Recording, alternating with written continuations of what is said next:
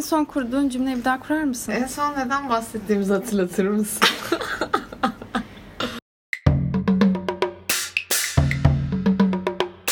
İnsanların söylediklerini bireysel algılamakla tamam, şunu söylüyordum. Özgüvenimin düşük olduğu zamanlarda e, insanların yaptıkları her şeyin kendime ilgili olduğunu düşün- düşünüyordum. O, o anki bana somurtmaları, o anki e, verdikleri kısa cevaplar ya da göz devirmesi. Ama kimliğimi ve yani kimliğimi, karakterimi kazanmaya başladıktan sonra aslında e, her şeyin seninle alakalı olmadığını, o insanların da kendi hayatları olduğunu fark ettim. Ama aslında bazı şeylerin de seninle alakalı olduğunu da fark ediyor olman gerekiyor. Yani aslında gidişatı takip etmen gerekiyor. Yani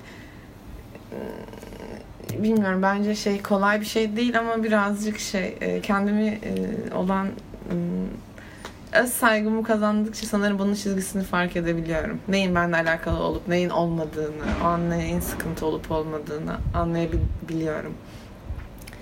iki önemli kelime var. İlki kendini sevdiğinde e, yok hayır. İlki özgüven. Hı Diğeri de öz saygı. hı. Hı hı. O zaman kendine dönük ne hissediyorsan dışarı dışarıdaki insanların da sana senin kendine hissettiğin gibi hissettiğini mi düşünüyorsun? Evet hatta e, şöyle yine söylemiştim bunu bugün şey e, kendimi e, kend, kendimi aynaya baktığımda güzel bulmayı geçtim. Kendimi zaten çok iyi hissettiğimde insanların karşısına geçtiğimde insanlar bana iltifat etmeye başlıyorlar. Bugün çok güzel gözüküyorsun, bugün çok iyi gözüküyorsun. Aslında hani yine aynı şeyleri söylüyor olacağım ama e, aynı insanım. Sabah aynı şekilde uyanıyorum, aynı şekilde giyiniyorum, aynı şekilde işe gidiyorum. Aynı kıyafetleri giyiyorum ama e, bir gün öncesinden daha güzel olmamı sağlayan o gün güne nasıl uyandığım, o gün, al, gün o gün içerisinde aldığım haber, e, hayatımda bir şeylerin daha fazla yolunda gidiyor oluşu. O yüzden daha güzel gözüküyorum. O yüzden insanların e, kendi e, iç dünyalarında yaşadıkları şey evet abi bu benimle ilgili demiyorum. Çünkü çünkü özgüvenimi kaybettikçe e, ister istemez e, bence egom artıyor ve dünyadaki her şey sanki benimle ilgiliymiş gibi zannediyorum. E, her şey. Aslında egon artmıyor. Egon paniğe kapıldığı için her yerde egonu görüyorsun Evet. gibi bir şey belki. Evet, yani ve bunu- kafası rahat değil anladın mı? Hesap kitap peşinde. Yani hani şey gibi düşün. Muhasebeci çok rahattı, üst kattaydı falan. Patron bir anda dedi ki hani birileri bir şeyler kaçırıyor galiba. Sonra muhasebeci her adımı izlemeye başladı gibi bir kafa yani bence bu. Sorun arıyor bir şekilde. Ama sorun nerede ya da hani sorun da çözüm de içerideye giriyor biraz Evet bu. ama bu arada bunu e, şöyle bir şey değil benim için.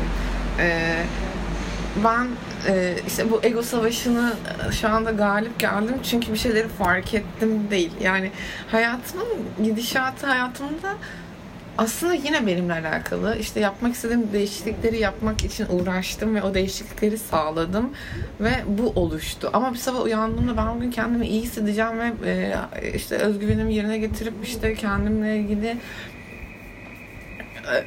kendimi e, küçültmeyeceğim diye uyanmıyorum. Ama zaten bence değiştirmek değiştirme isteğimizin oluşmaya başlaması da rahatsızlığımızdan kaynaklı e, pardon değişim isteğimiz rahatsızlığımızdan kaynaklı ya.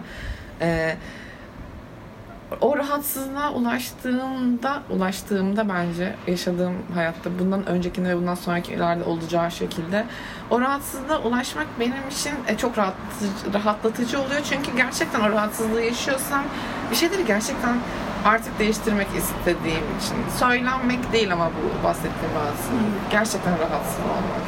Bence ben hayatımın son 3 ayında falan bunu yapıyorum ve bunu güzel yapıyorum. Buna nasıl başladığını hatırlıyorum.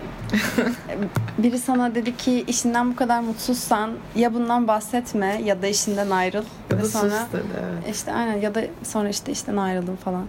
evet. Ne sıklıkla böyle değişimler yaptığını düşünüyorsun? İş konusunda demiyorum çünkü 4 yıl aynı yerde çalıştım ama. e, çok küçüğüm bu arada 26 yaşındayım. En Çok son e, evet şöyle çok küçüğüm şey sayı verdikten sonra Ben en son bu kadar e, radikal bir değişiklik yaptığımda 20 yaşındaydım. Neydi o değişiklik? O değişiklik şuydu. e, İzmir'de e, İzmir'deydim. Okumaya gittim. İzmir'e Herkes gibi belki İzmir'e ya. okumaya gittim. ben bile gittim abi. Düşün. Şey, e, 18 yaşında gitmiştim. Ama bak aslında şöyle bir şey olmuş. E, küçükken daha sık bu değişiklik. Bak mesela işte benim kafamı e, en çok kurcalayan şeylerden bir tanesi de bu. Küçükken değişiklikleri daha fazla yapıyormuşum. Burada yaşıyordum. Bir değiş, radikal bir karar verildi ve işte Sakarya'ya gittim. Sakarya'da yaşıyordum. Radikal bir karar verdim. İstanbul'a geri döndüm. İstanbul'daydım. Bir sene sonra radikal bir karar daha verdim. İzmir'e gittim. İzmir'e gittim. iki sene sonra radikal bir karar verdim. İstanbul'a geldim. Orada bitti artık. Orada bitti işte düzen, işte düzenli diyeceğim buna. Böyle bir hayata Hı hı. ge- geçtim. İşte e, ilişkim oldu. İşte bir işim oldu. Sev, daha sevdiğim, daha sahiplendiğim bir işim oldu. Orada 2-3 sene kaldım. 2-3 sene ilişkim sürdü. Ha, mesela ilişkimden ayrılmam da aslında radikal bir değişiklik ama radikal bir karar ama bu pardon radikal bir karar ama değişiklik karar değil ama değişiklik. Yani zorunlu yollardan sağlanan bir şeydi. Ee, sonrasında ilk defa sanırım bir 3 hafta önce falan bir değişiklik yaptım. İlk defa mı? Ev değiştirdin oğlum. Evet. O da o da çok Evet, radikaldi aslında. Evet, o da, tamam pardon. 3 aylık bir mi? aslında evet. 3 ay önce başlayıp 3 hafta önce e, tam sonucu ulaştı diyebileceğim değişiklikler aslında. Bu arada sadece ev değil ya. Ev değil işte. Bak ev, iş, arkadaşlık. Daha yakın ilişkiler. Evet. Bunların hepsinde gün içinde yanılmıyorsam 20 bine yakın karar veriyormuşuz. Ve bunların %90'ı ya da 95'i duygusal kararlarmış. Benim bu çok şehir efsanesi mi yoksa gerçek bir şey? Bu bilimsel bir araştırmanın Çünkü o kadar zeki olduğumu düşünmüyorum. bu kadar karar vermede mi? evet. Yani Çünkü abi şey bile hani bu, ya, bir şey söyleyeceğim. Geleceğim, geleyim mi, gelmeyeyim mi, ne yapacağım? Özgür bir şey.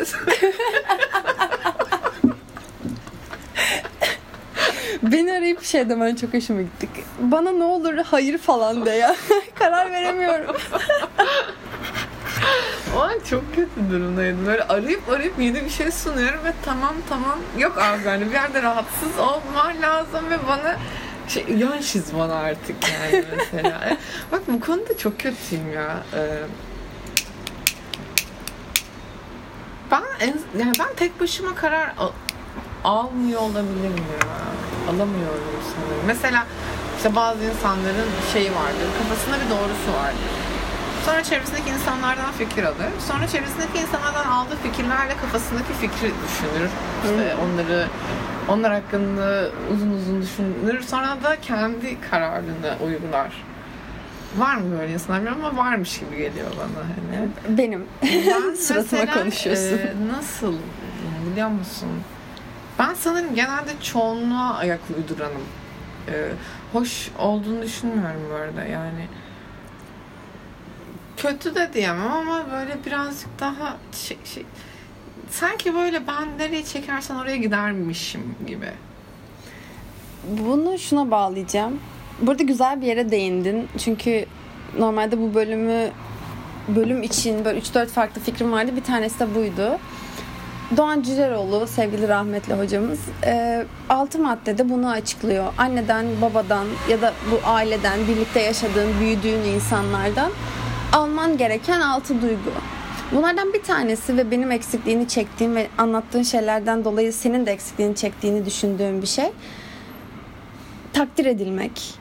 Ben küçükken ne yapıyorsam annem bunun çok tersinde şeyleri gitmemi istedi. Yani şöyle söyleyeyim yıllarca bir 8-9 yıl profesyonel voleybol oynadım.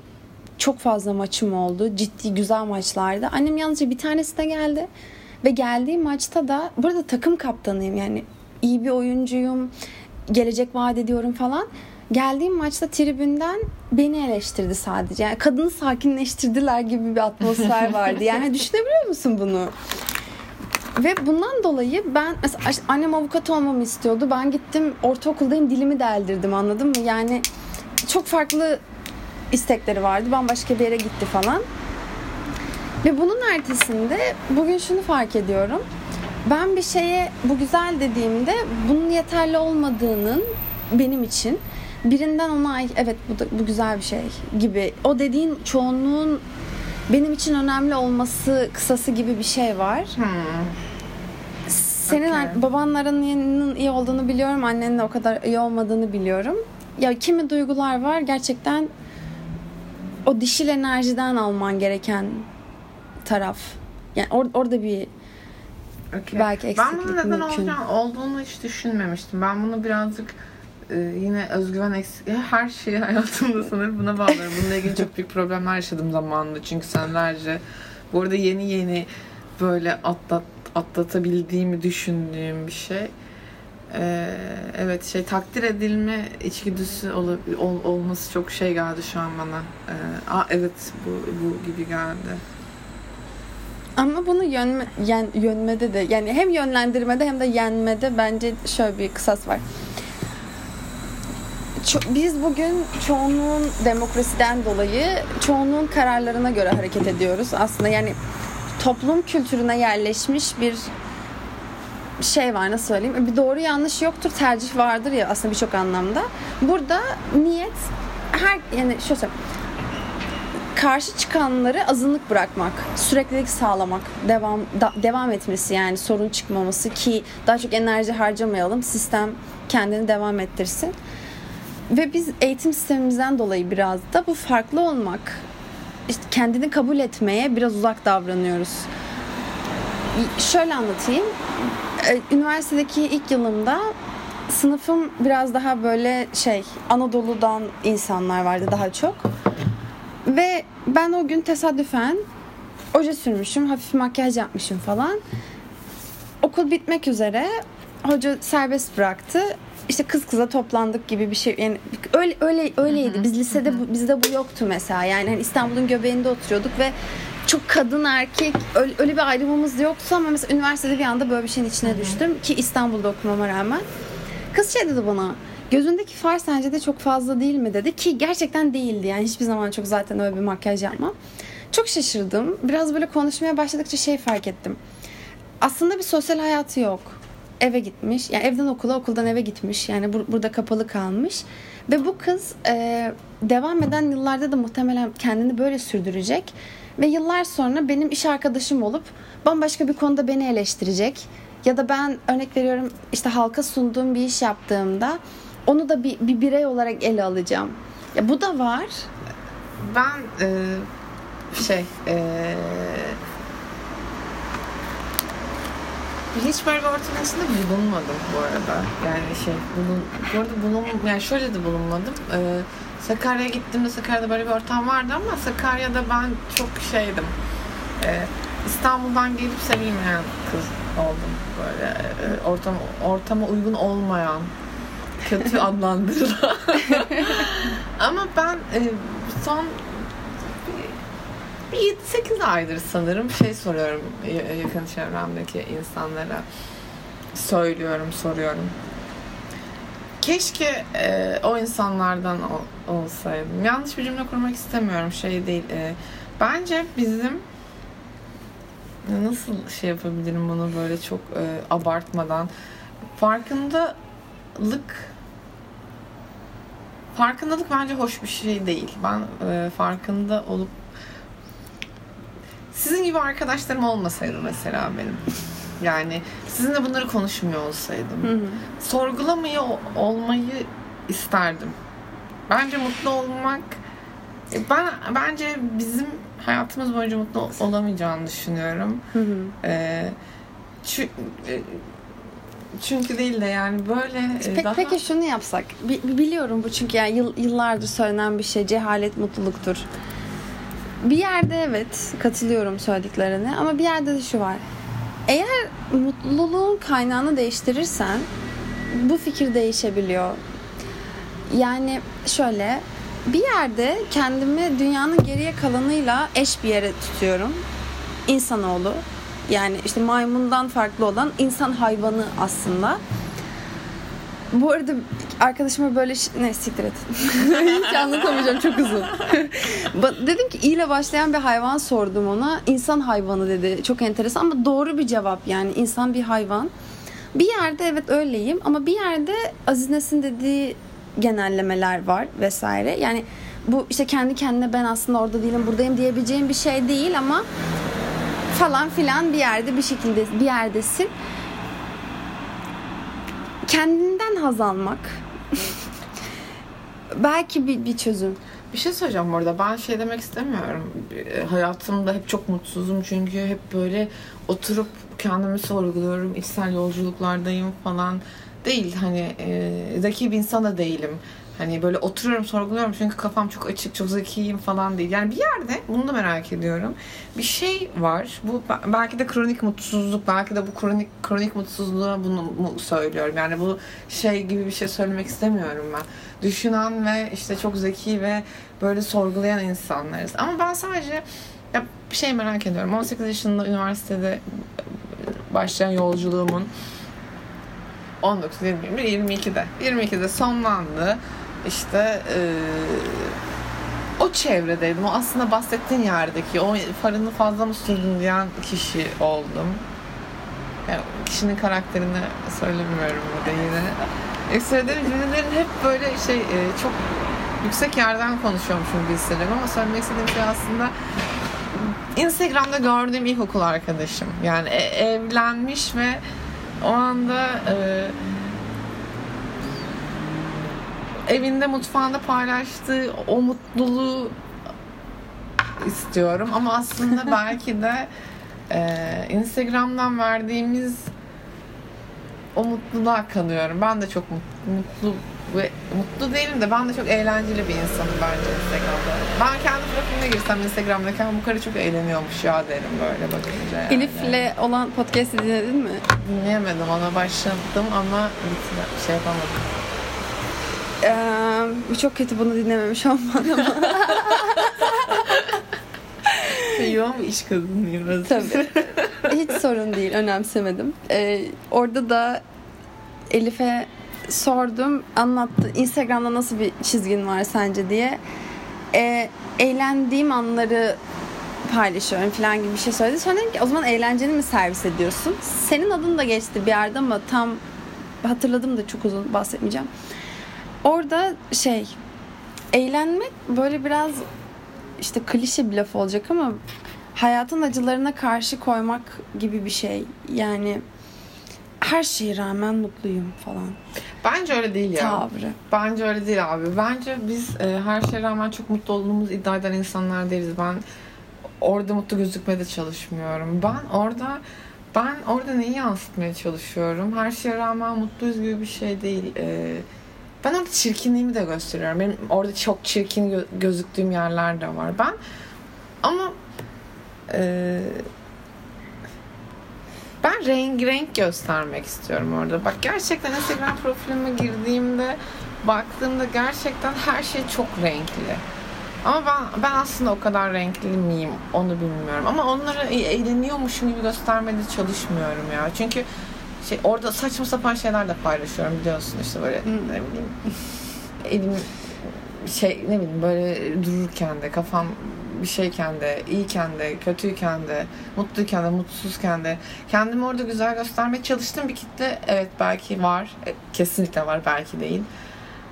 Evet bak ben eğleniyorum. Sen de benimle eğlenmek ister misin gibi bir şey kesinlikle vardır ama genel olarak renkli olmayı seviyorum bence ben ya. Ben burada son böyle hani aslında bitirsek çok iyi olan bir dakikadayız şu anda. Sonlandırmadan önce ne söylemek istersin? sonlandırmadan önce eee hiçbir şey söylemek istemiyorum sanırım. Teşekkür ederim. ben teşekkür ederim. Kontrol Paneli'ne hoş geldiniz ve hoşçakalın. Ben Özge. Bugün Ecem Eren, Elif'le... Hayır, Elif Ecem, Elif, Elif- Elif- Emel, Eren. çok zor. Elif Ecem Eren'le birlikteydik. Hoşçakalın.